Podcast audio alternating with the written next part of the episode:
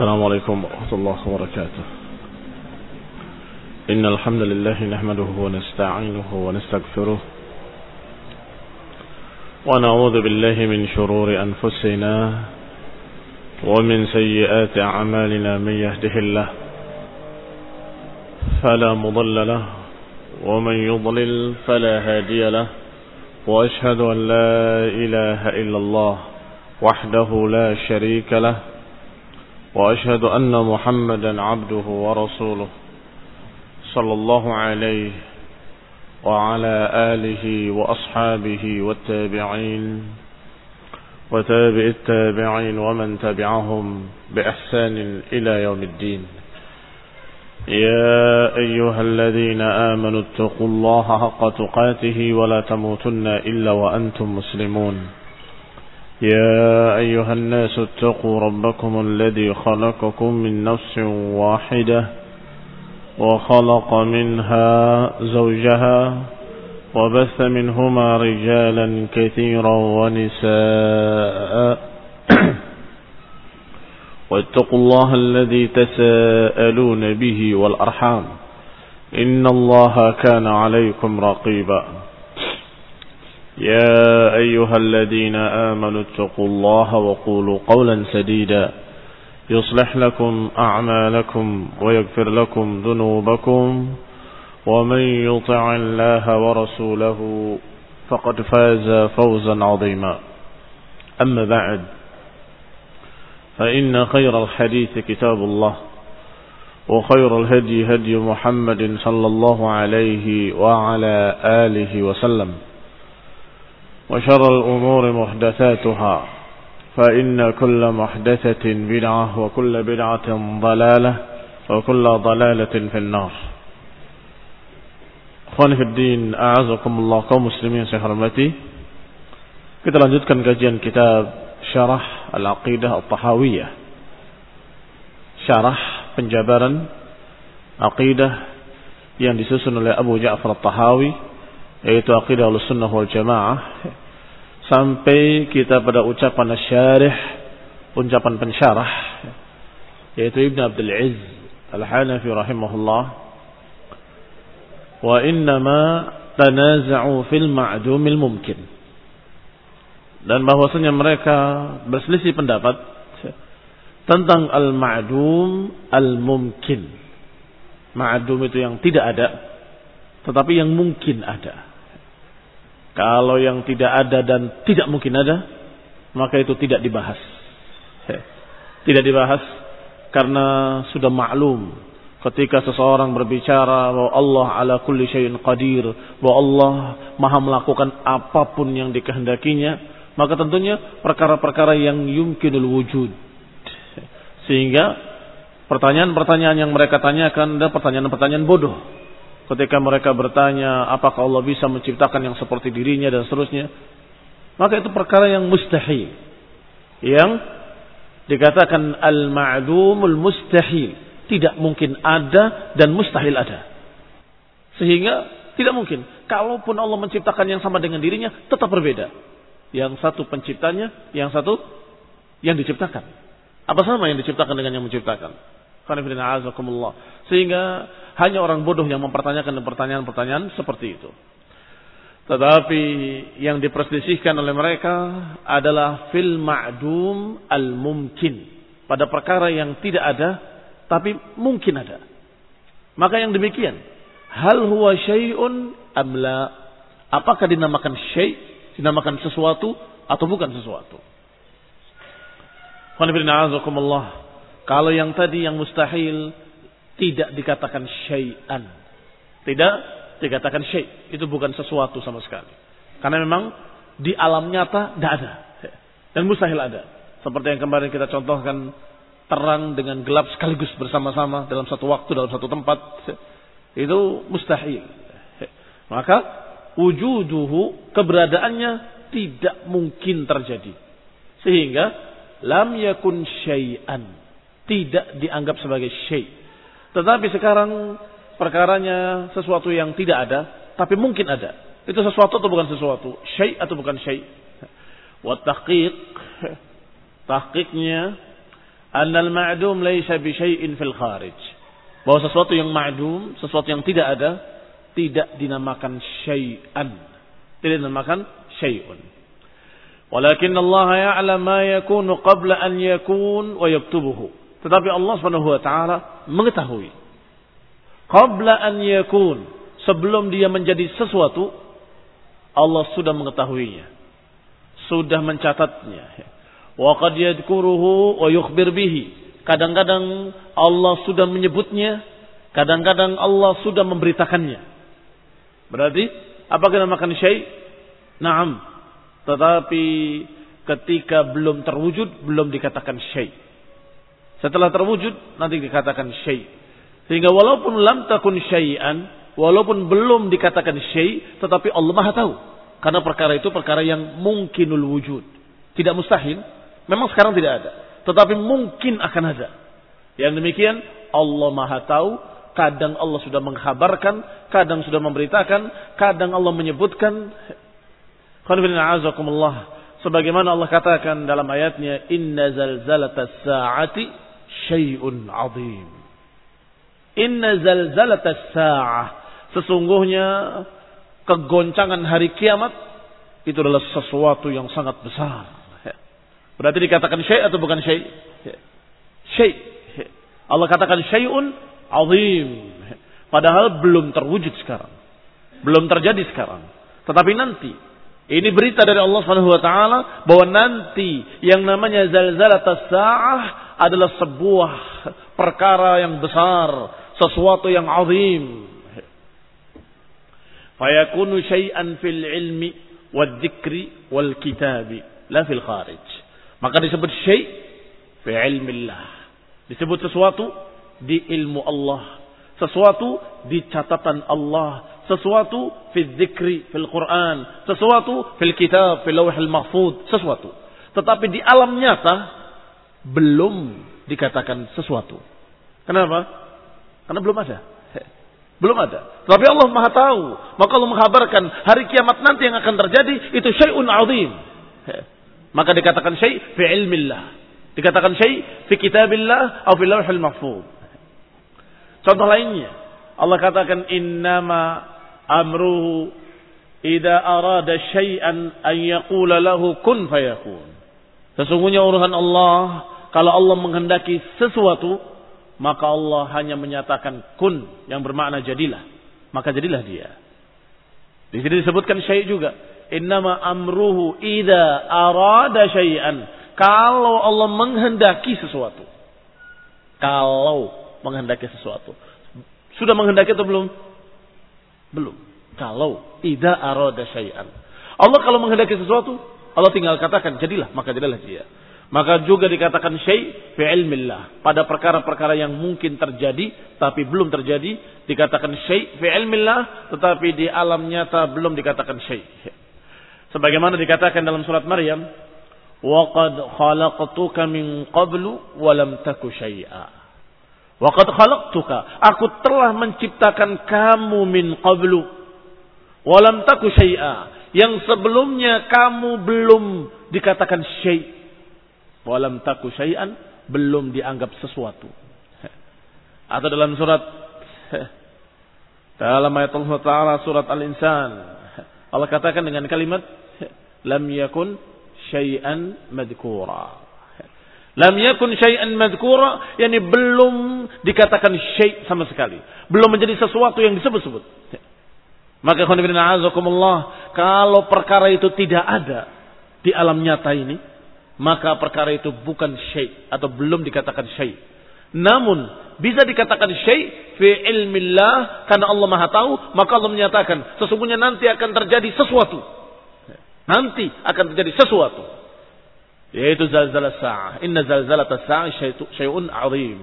Demikian pula ketika Allah menyatakan wa qad khalaqtuka wa lam taku. Dan aku telah menciptakan engkau yang tadinya engkau belum menjadi sesuatu pun. Atau dalam surat Al-Insan lam yakun syai'an madkura, belum menjadi sesuatu yang disebut-sebut. Qala ay lam takun syai'an fil kharij wa in kana syai'an fi ilmihi. Yani sebelum diciptakannya maka manusia itu belum dikatakan sesuatu Ini fil kharij. Fil kharij ini fi alam nyata, di alam nyata. Wa in kana syai'an fi ilmi, walaupun sudah dikatakan sesuatu di ilmu Allah bahwa ada sesuatu yang akan Allah ciptakan yang bernama manusia. Qala Allah katakan hal ata 'alal insani hinun minad dahri lam yakun syai'an madhkura. Kata Allah, apakah telah datang pada manusia hinun minad dahri satu saat dari zaman ini lam yakun syai'an madhkura. Ini belum menjadi sesuatu yang disebut-sebut. Qauluhu dan ucapan Allah SWT, "Laisa kamitslihi syai'un." Laisa kamitslihi syai'. Tidak ada yang serupa dengannya sesuatu pun. Ada raddun 'alal musyabbihah. Ini bantahan kepada mereka-mereka yang menyamakan Allah dengan makhluk. Kita katakan dengan kalimat laisa kamitslihi syai'. Enggak ada sesuatu pun yang serupa dengannya. Wa huwa as-sami'ul basir. Dan dia Allah adalah maha mendengar dan maha melihat. Wa hadha raddun alal mu'attilah. Dan ini bantahan kepada mereka-mereka yang menolak sifat-sifat Allah Taala. Jadi yang menyamakan Allah dengan makhluk dibantah dengan kalimat laisa kamitslihi syai. Dan yang menolak sifat Allah dibantah dengan wa huwas samiul basir. Dalam satu ayat membantah dua kelompok sekaligus. Fahuwa subhanahu wa ta'ala mausufun bi sifatil kamal. Maka Allah subhanahu wa ta'ala disifati dengan sifat-sifat kesempurnaan. Walaysa lahu fiha syabihun. Fal makhluk wa in kana yusaf annahu sami'un basir falaysa sam'uhu wa basaruhu ka sam'ir rabbi wa basarihi. Maka manusia, makhluk ketika mereka disifati dengan mendengar, disifati dengan melihat, tentunya sam'uhu pendengarannya wa basaruhu dan penglihatannya tidak kasam rabbi wa basarih, tidak sama dengan pendengaran Allah dan tidak sama dengan penglihatan Allah Subhanahu wa taala. Wala yalzam min isbatu sifah tashbihun dan tidak mesti kalau kita menetapkan satu sifat bagi Allah tidak mesti bermakna menyamakan dengan makhluk. Tidak mesti mengandung tashbih. Walaupun kita menyatakan Allah mendengar. Dan kita mengatakan manusia mendengar. Tetapi mendengarnya Allah tidak sama dengan mendengarnya makhluk. Demikian pula ketika kita berbicara Allah melihat. Dan kita berbicara manusia melihat. Apakah berarti kalau Allah dan manusia sama-sama melihat berarti sama? Tidak. Melihatnya Allah tidak sama dengan melihatnya makhluk. Makhluk melihat dalam keadaan serba terbatas. Jarak pandangnya terbatas. Kemampuan melihatnya terbatas. Lingkupnya terbatas Agak ke kanan sedikit nggak kelihatan, agak ke kiri sedikit nggak kelihatan. Agak jauh sedikit nggak kelihatan. Demikian pula pendengaran. Kurang dari 20 nggak terdengar. Di atas 200 juga nggak terdengar frekuensinya. muslimin Maka dikatakan walaupun kalimat mendengar disebut bagi Allah dan disebut pula bagi manusia, tetapi tentunya maknanya berbeda. Laisa kamitslihi syai. Maka faedah yang kita ambil laisa fi isbatis sifati lillahi tashbihan. Tidak ada pada penetapan sifat untuk Allah tidak mengandung penyerupaan dengan makhluk sama sekali. Sama ketika kita katakan Allah berbicara, Allah maha tinggi di atas arasnya. Semua itu tidak bermakna sama dengan makhluk. Wala yazam min isbatis sifat tashbih, id sifat al-makhluk kama yaliqu bihi Wa sifatul khaliq kama yaliqu bihi. Karena sifat Allah sesuai dengan kekuasaan dan kemuliaan Allah. Sifat makhluk sesuai dengan makhluk. Sifat makhluk sesuai dengan kelemahan-kelemahan makhluk. Sesungguhnya kaidah ini kaidah yang mafhum aqlan wa fitratan. Kaidah ini sesungguhnya kaidah yang sudah dipaham dan sudah dimengerti oleh semua manusia secara akal sehat mereka. Buktinya Ketika kita mengatakan pada orang-orang tersebut, kalian punya mata, monyet punya mata, kalian punya hidung, monyet punya hidung, dan seterusnya. Kemudian apakah berarti kalian sama dengan monyet? Marah dia. Kamu kurang ajar mengatakan saya seperti monyet. Kenapa? Mereka tidak mau. Mereka mengatakan, iya memang punya mata, tapi matanya berbeda sesuai dengan monyet. Bukan mata seperti saya. Demikian pula dia punya kepala tidak kepala seperti saya, dia punya badan tidak seperti badan saya dan seterusnya dan seterusnya. Berarti kamu memiliki kaidah di hati kecilmu bahwasanya sifat-sifat untuk binatang tertentu ya sesuai dengan keadaannya dan sifat-sifat pada kamu manusia sesuai dengan keadaannya. Maka sesuai dengan keadaannya masing-masing. Walaupun sama-sama dikatakan tangan, tapi tangannya tidak sama. Walaupun sama-sama dikatakan kepala, kepalanya tidak sama. Ular juga punya kepala, tapi kepalanya nggak seperti kalian. kuda punya kepala, tapi kepalanya tidak seperti kepala manusia. Maka masing-masing memiliki sifat-sifat yang layak baginya. Maka ketika kita menyatakan Allah memiliki tangan, jangan kalian anggap bahwa kami menyamakan Allah dengan makhluk. La wallah, tidak demi Allah. Ahlus sunnah tidak menyamakan Allah dengan makhluk. Tetapi menetapkan apa yang Allah katakan dalam Al-Quran dan tidak berani menyelewengkan maknanya kepada makna lain. Kita katakan seperti apa adanya dari Allah. Kalau Allah menyatakan dengan kalimat matwiyatun biyaminih digulung dengan tangan kanannya, maka kami beriman bahwa Allah menggenggam langit nanti pada hari kiamat dan menggulungnya dengan tangan kanannya. Selesai. Bukan berarti sama dengan manusia, bukan berarti sama dengan makhluk dan seterusnya. Ada sesuatu hal yang perlu disampaikan juga. Kenapa dibahas oleh Ibn Abdul Aziz Al-Hanafi rahimahullah tentang masalah syai' dinamakan syai' atau tidak dinamakan syai' sesuatu yang tidak ada sesuatu yang tidak ada sudah dijawab. Dia dalam nyata, alam nyata di kenyataan belum dikatakan syai. Lam yakun madkura. Tetapi di ilmu Allah sudah dikatakan syai. Maka kalau belum dikatakan syai, maka jangan kamu anggap sebagai sesuatu, jangan kamu anggap keberadaannya atau jangan kamu anggap bahwa itu ada, tidak ada sama sekali. Hanya berita. Sehingga kita bisa menjawab syubhat mereka ketika mereka berkata, Hal yastati'u rabbuna an yakhluqa makhluqan akbar min nafsih? Ini ahlu dalal.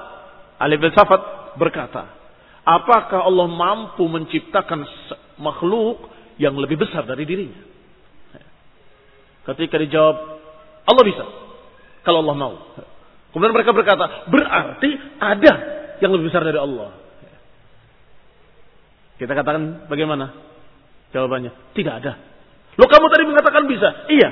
Tetapi Allah tidak menghendakinya. Gimana?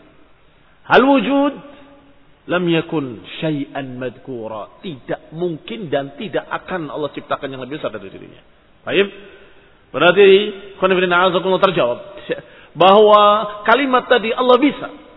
Allah kalau mau Allah bisa. Apakah sudah syai'an? Apakah sudah terjadi? Sudah yakun syai'an? Lam yakun syai'an. Tidak disebut dan belum menjadi sesuatu apa pun. Maka tetap tidak ada. Sehingga kalau dia mengatakan kalau mampu, kalau bisa, berarti ada yang lebih besar dari Allah. Tidak ada. Katanya Allah bisa, bisa, tapi tidak ada. Kenapa? Karena walaupun Allah Subhanahu wa ala kulli syai'in qadir, maka Allah tidak mungkin menciptakan sesuatu yang lebih besar dari dirinya. Barakallahu fikum. Ini jawaban penting bahwa kita harus tahu dulu apa yang disebut syai' fil kharij dan apa yang dikatakan syai' fil dhihn. Syai' fil itu sesuatu yang belum terjadi tapi sudah dibicarakan. Kalau Allah menciptakan yang lebih besar dari dirinya, berarti itu masih masih kalau, tetapi tidak Allah kehendaki yang demikian. Dan Allah menyebutkan dalam ayat dalam hadis Rasulullah SAW menyatakan Allahu Akbar. Allah Maha Besar.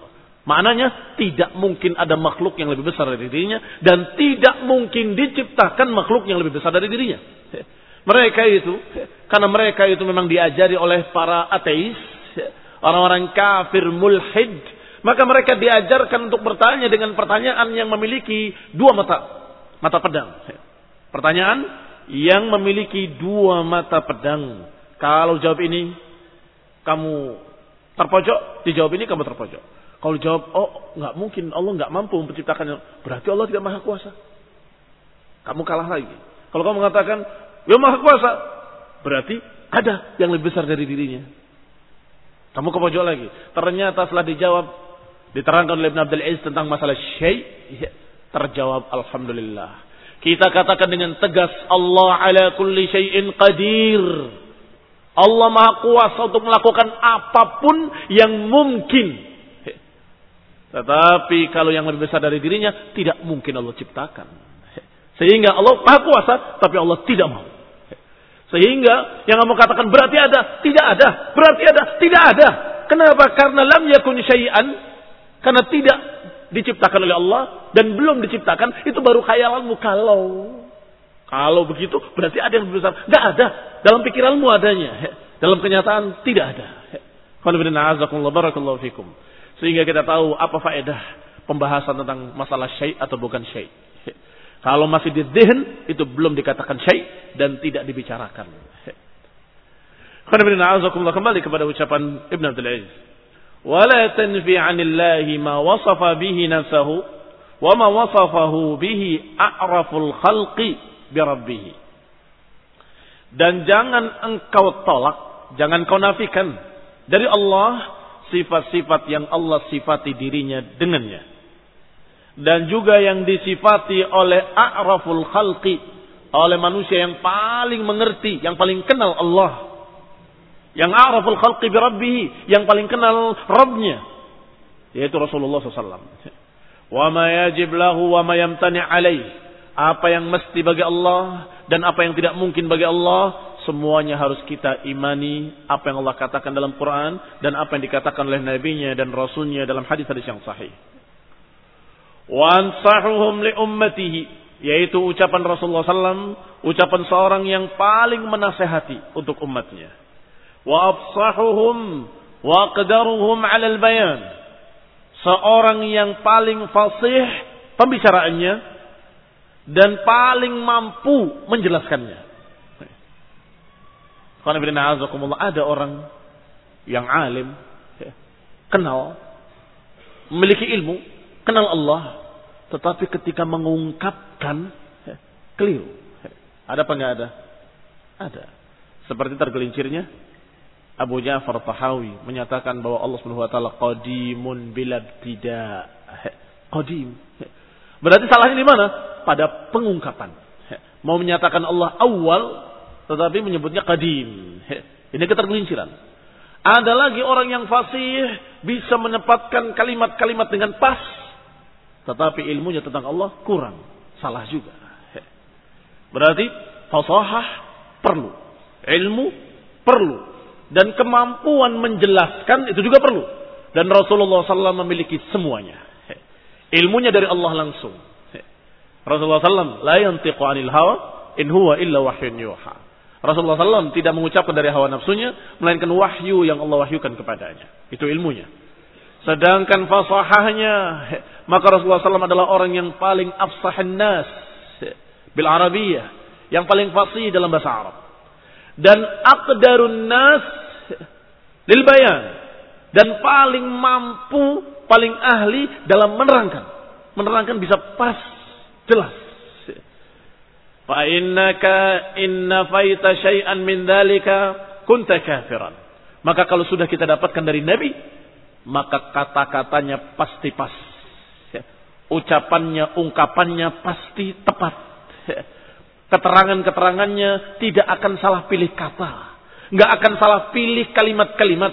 Sehingga apa yang dikatakan Nabi kalimat-kalimatnya itu yang kita katakan untuk Allah Subhanahu wa taala. Jangan dirubah, jangan diganti, jangan diganti kalimat lain walaupun kita katakan mirip maknanya. Ini kan awal, ini kodim. Awal sama kodim kan kurang lebih sama. Jangan. Jangan macam-macam. Nabi sudah memilihkan yang paling fasih. Allah sudah menurunkan ayatnya Quranan Arabian. Quran bahasa Arab yang juga fasih. Paling fasih. Dan Allah katakan dengan kalimat huwal awwalu wal akhiru wal zahiru wal batin. Dan Nabi menjelaskan dalam hadisnya yang sahih, Allahumma antal awwal falaysa qablaka syai' wa antal akhir falaysa ba'daka syai' wa antal zahir falaysa fawqaka syai' wa antal batin falaysa dunaka syai'. Selesai. Masya Allah. Ungkapan Rasulullah SAW pas. Kalau maka kaum muslimin jangan lancang menolak atau mengganti atau tidak mau menerima apa yang dikatakan oleh Nabi. Fa innaka inna faita syai'an engkau kalau menolak sesuatu daripadanya kunta kafiran. Engkau akan jadi kafir. Kafir bima anzala ala Muhammadin sallallahu alaihi wa ala alihi wasallam. Berarti engkau kufur terhadap apa yang Allah turunkan pada nabinya dan rasulnya sallallahu alaihi wa ala alihi wasallam. Wa idza wasaftahu bima wasafa bihi nafsahu fala tushbihu bi khalqih. Dan kalau engkau sudah sifati Allah dengan sifat-sifat seperti apa yang Allah sifatkan dirinya dengannya, maka jangan kau serupakan dengan makhluk. Kalau sudah kau katakan sifat-sifat Allah seperti yang Allah katakan dalam Al-Quran, Yadullah fauqa aidihim, tangan Allah di atas tangan mereka. Ma mana'aka an tasjud lima khalaqtu biyadai. Apa yang menghalangi muhai iblis untuk sujud kepada Adam yang aku ciptakan dengan kedua tanganku. Kita katakan seperti itu pada Al-Quran persis tidak dirubah, tidak diganti, tidak diselewengkan maknanya. Tetapi la tushbihu bikhalqih. Jangan kau serupakan dengan makhluk-makhluknya. Tangan Allah tidak sama dengan tangan makhluknya. Falaisa kamitslihi syai, karena tidak ada yang serupa dengan Allah sesuatu apa pun. Fa idza syabbahtahu bi khalqihi kunta kafiran bih. Kalau engkau serupakan dengan makhluk, engkau pun jadi kafir. Kalau engkau menolak sifat-sifat Allah, engkau jadi kafir. Kalau engkau menyamakan sifat Allah dengan sifat makhluk, juga engkau jadi kafir.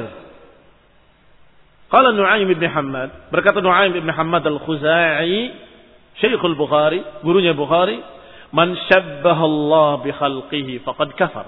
Siapa yang menyerupakan Allah dengan makhluknya, maka dia telah kafir.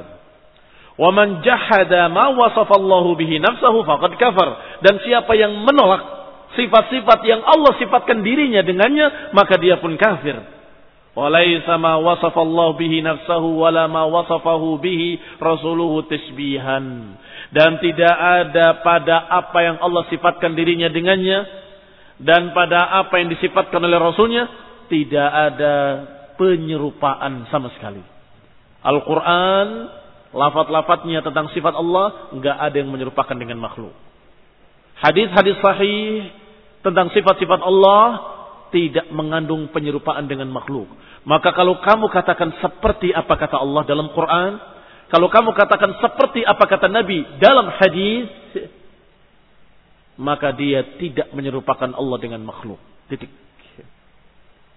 Masa ketika ada orang baca Quran, yadullahi fauqa aidihim. Wah, kamu menyerupakan Allah dengan makhluk.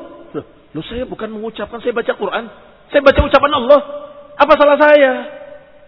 Apa mau disalahkan orang yang membaca ucapan Allah? Mau disalahkan orang yang membaca kalimat yang Allah pilihkan min fauqi sab'i samawat. Allah pilihkan kalimat yang paling tepat. Yadullah. Tangan Allah. Fauqa aidihim. Ar-Rahmanu 'ala al-'arsy istawa. Gak bisa kamu mengatakan Allah di atas arasnya. Gak bisa. Loh, yang bilang siapa? Bukan saya. Saya cuma bacakan ucapan Allah. Saya cuma bacakan ayat dalam Quran. Dalam surat Taha. Dalam surat ini, surat itu. Ada tujuh ayat dalam Al-Quran. Yang menyatakan bahwa Allah di atas arasnya istawa. Kenapa? Apa, apa kafir orang yang baca Quran? Sehingga kata Nuaim bin Hamad, Syekhul Bukhari, semoga Allah merahmati keduanya, bahwasanya tidak ada pada Al-Quran tidak ada dalam sunnah satu kalimat pun yang menyerupakan Allah dengan makhluknya. Sehingga kalau kamu katakan seperti apa kata Quran, kamu tidak salah. Kalau kau katakan seperti apa yang Nabi katakan dalam hadis yang sahih, kamu tidak salah. Kalau ada yang menentang, maka yang menentangnya itu yang salah. Kalau dia menyatakan berarti kamu menyamakan Allah dengan makhluk, berarti tafsiran dia yang keliru. Siapa yang bilang tangan Allah sama dengan tangan makhluk? Saya menyatakan tangan Allah dalam Quran dan kami meyakini tangan Allah tidak sama dengan tangan makhluknya. Kita menyatakan Allah di atas arasnya maha tinggi dan kami yakin tidak sama dengan makhluk di atas makhluk. Tidak sama dengan raja di singgasananya, tidak sama dengan seorang badui di atas kudanya, tidak sama dengan siapa pun di atas apa pun. Berarti kalian sendiri yang memahami salah dan kalian sendiri kemudian yang menolak. Oh itu berarti begini, berarti begini, berarti begini, berarti menyamakan Allah dengan makhluk. Berarti jangan, jangan dibaca begitu. Tangan Allah. Dalam Al-Quran disebut berkali-kali. Wajah Allah disebut berkali-kali. Dalam hadis, dalam Quran. Kenapa kemudian kita gelisah untuk mencari makna-makna lain? Maknanya sudah wadih. Ghayat al-wuduh. Sejelas-jelasnya. Wajah Allah. Hanya saja ketika mereka menyatakan berarti sama dengan wajah makhluk. Ah, nggak mungkin.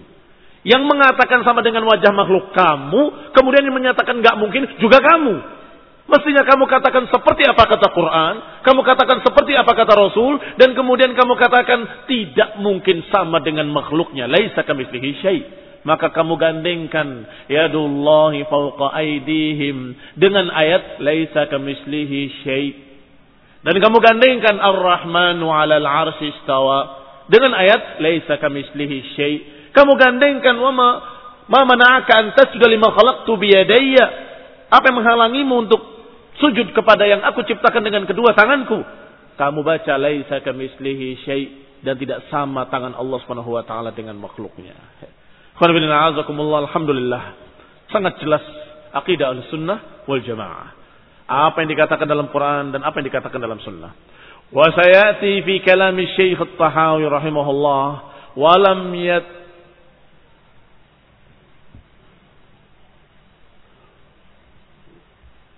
ومن لم يطوق النفي والتشبيه زل ولم يصب التنزيه Siapa yang tidak menghindari An-nafi wat-tashbih zalla.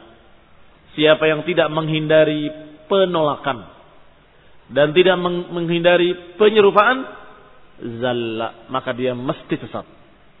Menyeleweng. Walam yusibat tanzih dan dia tidak sampai kepada pensucian Allah Subhanahu wa taala. Kalau ada penolakan sifat Allah, berarti dia tidak mensucikan Allah. Kalau menyamakan sesuatu dengan makhluk, juga tidak mensucikan Allah taala. Berarti siapa yang mensucikan Allah? Man yusibut tanzih. Siapa yang tepat dalam pensuciannya terhadap Allah taala?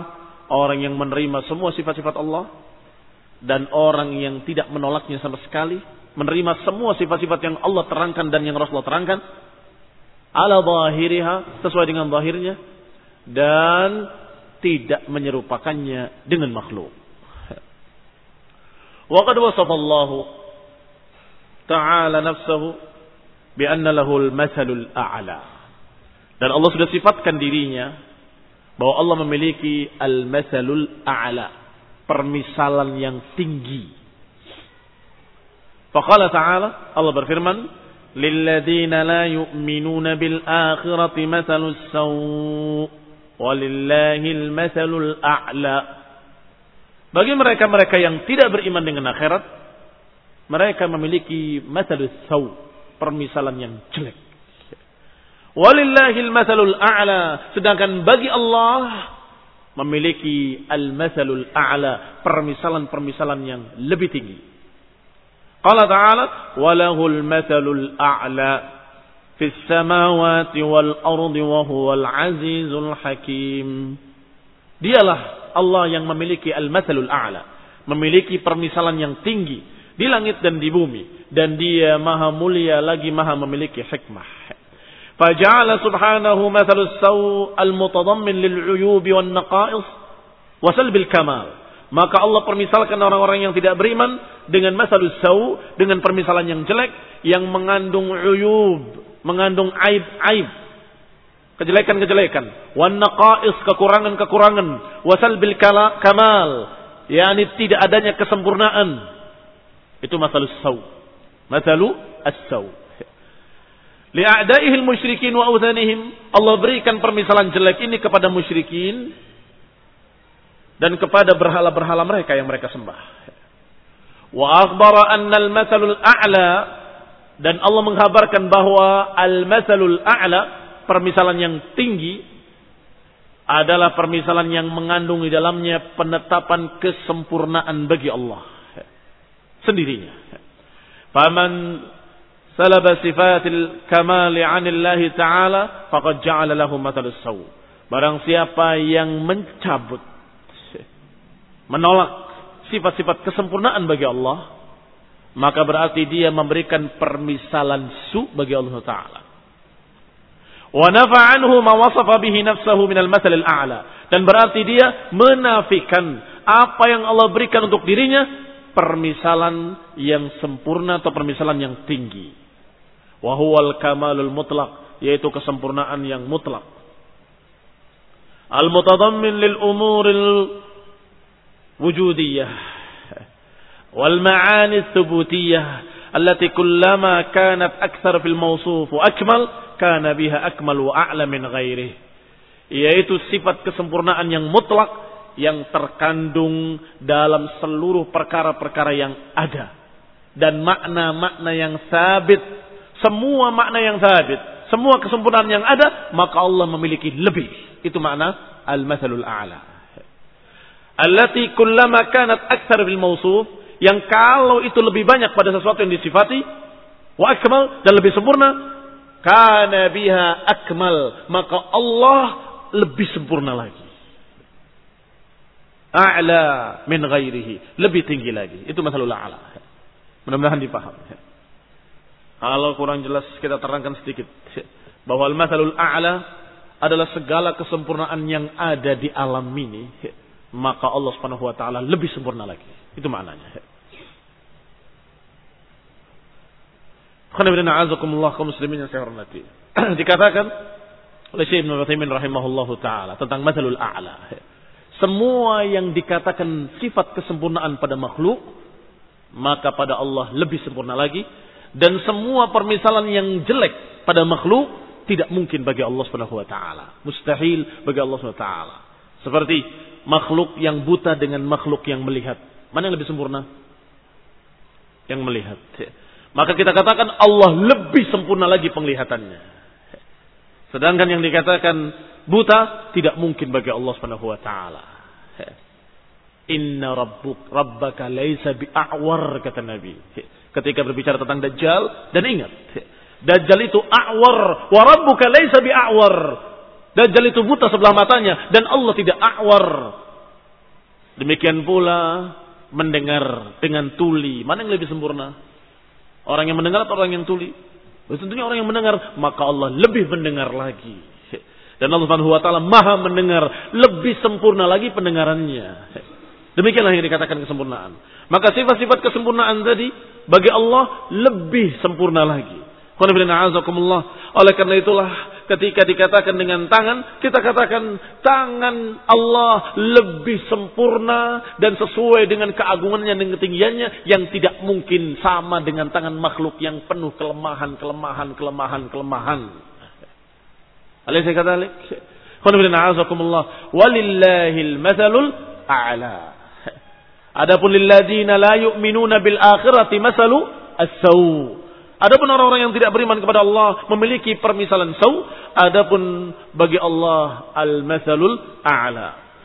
Maka lati kullama kanat akthar fil mausufi wa akmal. Kalau sifat-sifat kesempurnaan itu pada makhluk lebih lebih sempurna, kana biha akmal, maka Allah memiliki yang lebih sempurna lagi. Wa a'la min ghairi dan lebih tinggi lagi, lebih mulia lagi. Walamma kanat sifat Rabbi subhanahu wa ta'ala akthar wa akmal.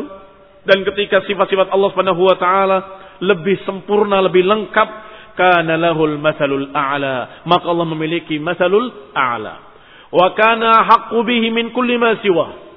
Maka lebih pantas Allah memiliki sifat kesempurnaan tadi daripada makhluk-makhluk. Allah lebih pantas memiliki sifat tersebut. Jangan seperti Jaham bin Safwan Al-jahil abbal. Yang bodoh, dungu, sesat lagi. Menyatakan bahwa Allah tidak mendengar, Allah tidak melihat, Allah tidak memiliki sifat, Allah tidak memiliki sifat apa pun. Sebab kalau kita menyatakan Allah memiliki sifat, nanti seperti makhluk. Ini al-jahil. Seorang yang dungu menyatakan untuk mensucikan Allah, Allah tidak sama dengan makhluknya. Maka kalau makhluk mendengar, Allah tidak mendengar. Berarti tuli. Allah juga tidak tuli, kata mereka. Maka Allah tidak mendengar dan tidak tuli. Allah tidak buta tapi tidak melihat. Allah tidak bicara dan juga tidak bisu. Dan seterusnya dan seterusnya. Semua sifat dinafikan. Salbiyah dan ijabiyah. Dua-duanya dinafikan. Sifat positif, sifat negatif semuanya dinafikan oleh dia. Tentunya pada akhirnya dia ya'budul adam. Menyembah sesuatu yang tidak ada. Karena tidak memiliki sifat apa pun. Maka semestinya. Kalau itu sifat kesempurnaan pada makhluk. Maka Allah lebih layak untuk memiliki yang lebih sempurna, lebih sempurna, lebih sempurna. Kalau makhluk yang lemah ini bisa melihat. Masa Allah tidak bisa. Maka Allah lebih-lebih-lebih lagi untuk maha melihat yang tidak terbatas dengan jarak sama sekali. Demikian pula kalau makhluk saja mendengar dan itu sifat kesempurnaan pada makhluk. Tentunya Allah lebih layak untuk memiliki sifat mendengar dan tentunya lebih-lebih lagi Allah Maha mendengar dan pendengaran Allah tidak terbatas dengan jarak, tidak terbatas dengan frekuensi. Allah mendengar yang di mulut kalian dan mendengar bisikan hati-hati kalian. Lebih sempurna. Dan inilah yang dikatakan walillahil mathalul a'la. Allah Subhanahu wa taala memiliki mathal al-a'la. Bal yastahil an yashtarik fil mathal al-a'la al-mutlaq ithnani. Bahkan mustahil, tidak mungkin akan bersama-sama memiliki mathalul a'la. Hanya Allah satu-satunya yang memiliki mathalul a'la.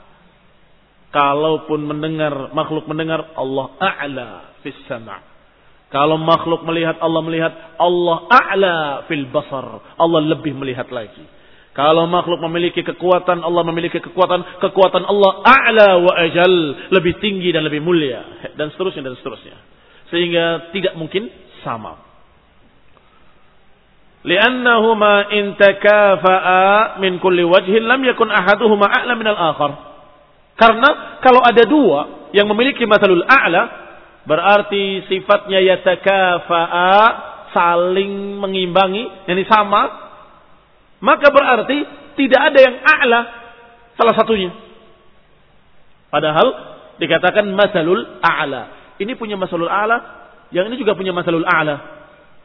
Kalau sama-sama punya masalul a'la, mana yang a'la minhuma? Mana yang lebih a'la antara keduanya? Itu sama. Kalau sama, berarti tidak ada yang a'la, nggak ada yang lebih tinggi. Dan itu berarti bukan masalul a'la. Berarti masalul a'la harus satu. Hanya Allah subhanahu wa ta'ala. Tidak mungkin ada yang lain selain Allah subhanahu wa ta'ala.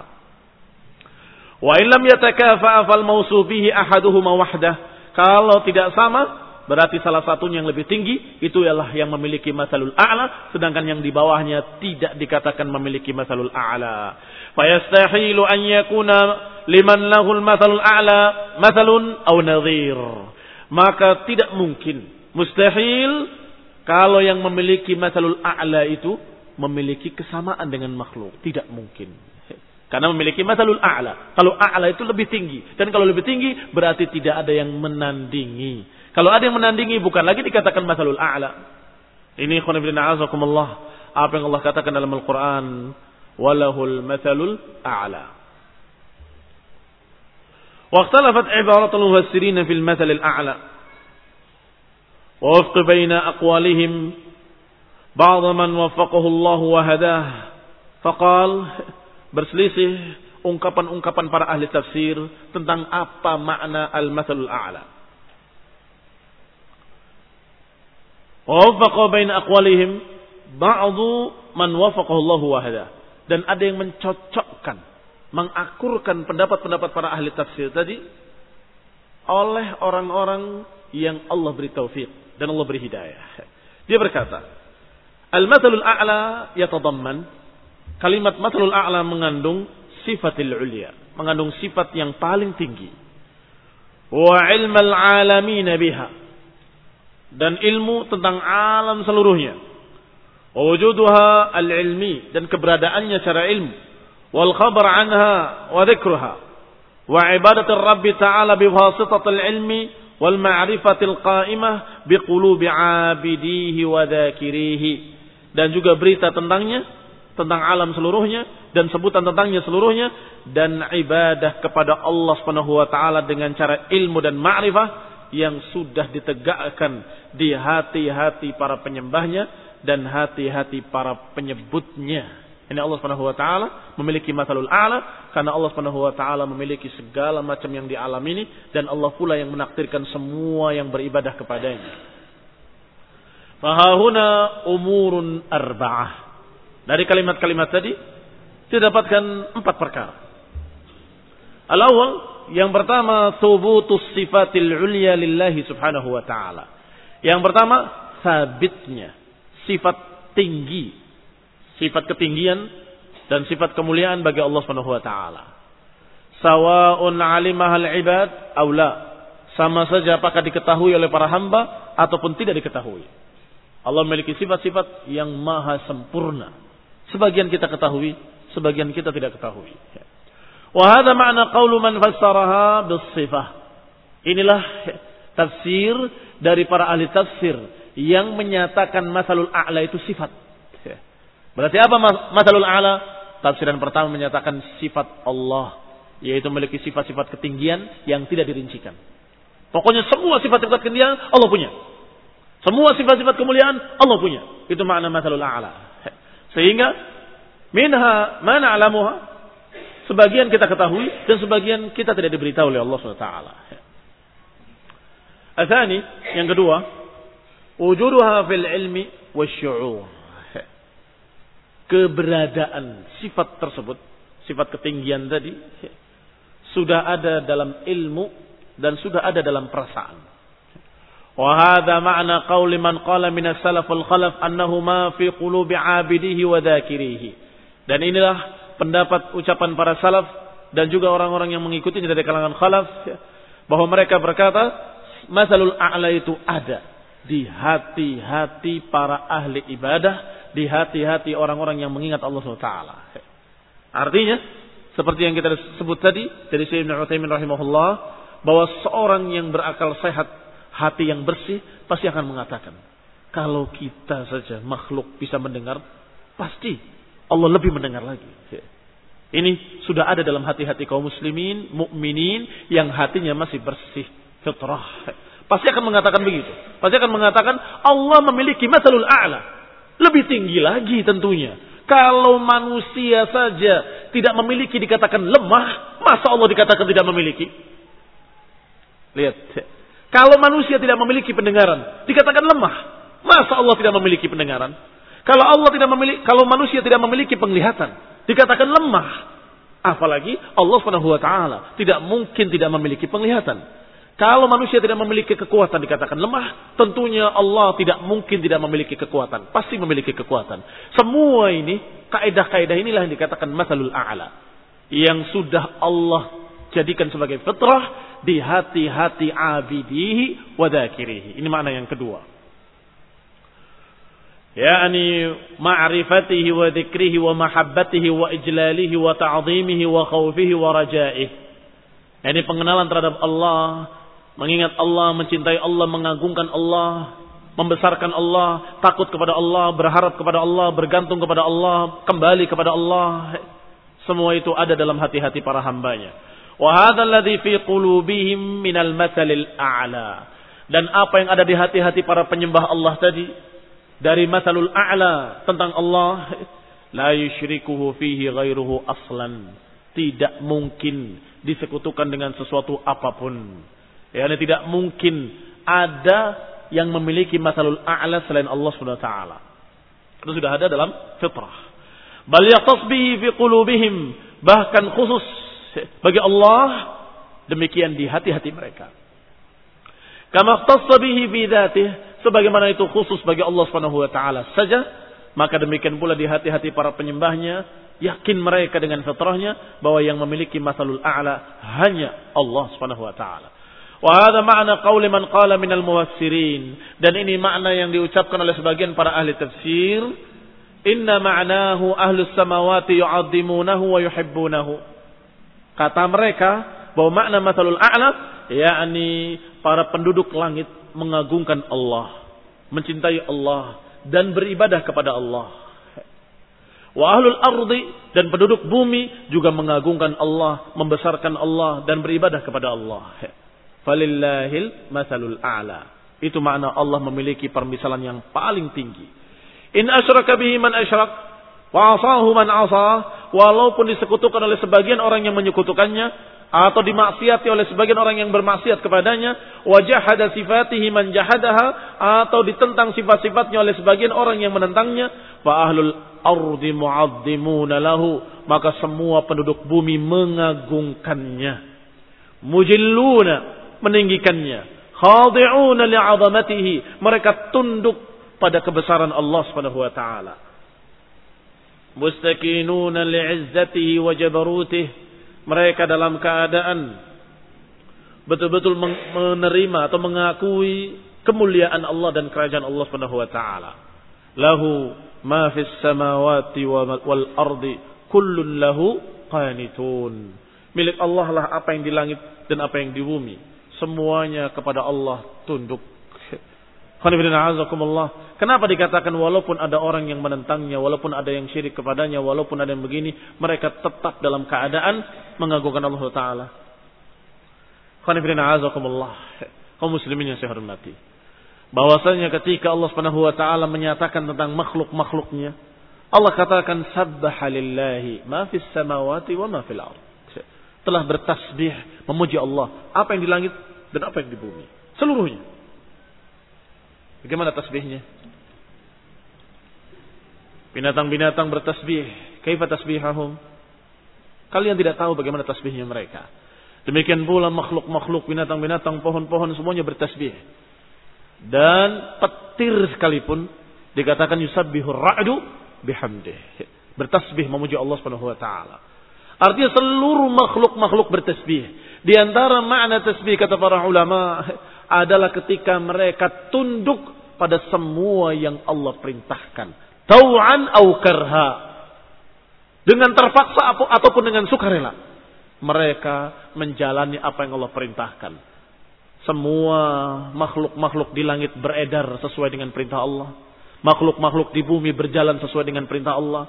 Semua benda-benda di langit dan di bumi semuanya berjalan sesuai dengan perintah Allah dan itulah mereka bertasbih kepada Allah Subhanahu wa taala. Salah satunya tentunya bentuk-bentuk tasbih mereka sangat banyak. muslimin saya hormati.